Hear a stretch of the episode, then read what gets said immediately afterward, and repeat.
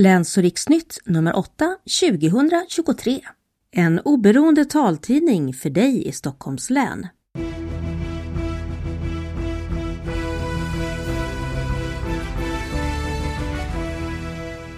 Hej och välkommen till Läns och riksnytt nummer 8 2023 med utgivningsdag onsdagen den 8 mars i appen och på webben. Men du som läser tidningen på CD, du får vänta några dagar tills den kommer hem i brevlådan. Jag heter Assissa Dawadi. Rubriker i veckans tidning om en ny rapport som visar att personer med funktionsnedsättning har en dubbel risk för att utsättas för våld. Vi besöker renoverade Sankt Paulskyrkan som kan få arkitekturpris.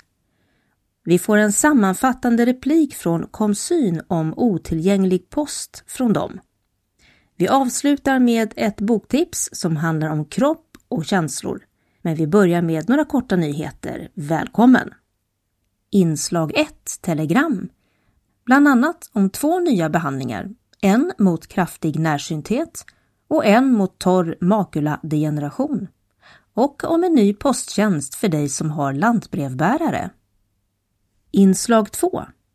I MFD, Myndigheten för delaktighets rapport, framkommer att personer med funktionsnedsättning har en mycket större risk att utsättas för våld, sexuella övergrepp och förtryck. Rapporten visar också att samhällets kunskap och åtgärder för att upptäcka och motverka detta är mycket bristfällig.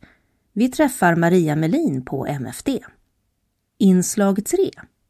Linda Larsson visar runt inuti den ombyggda Sankt Paulskyrkan från 1876 som är en av fyra nominerade till årets Kasper Salinpris för arkitektur.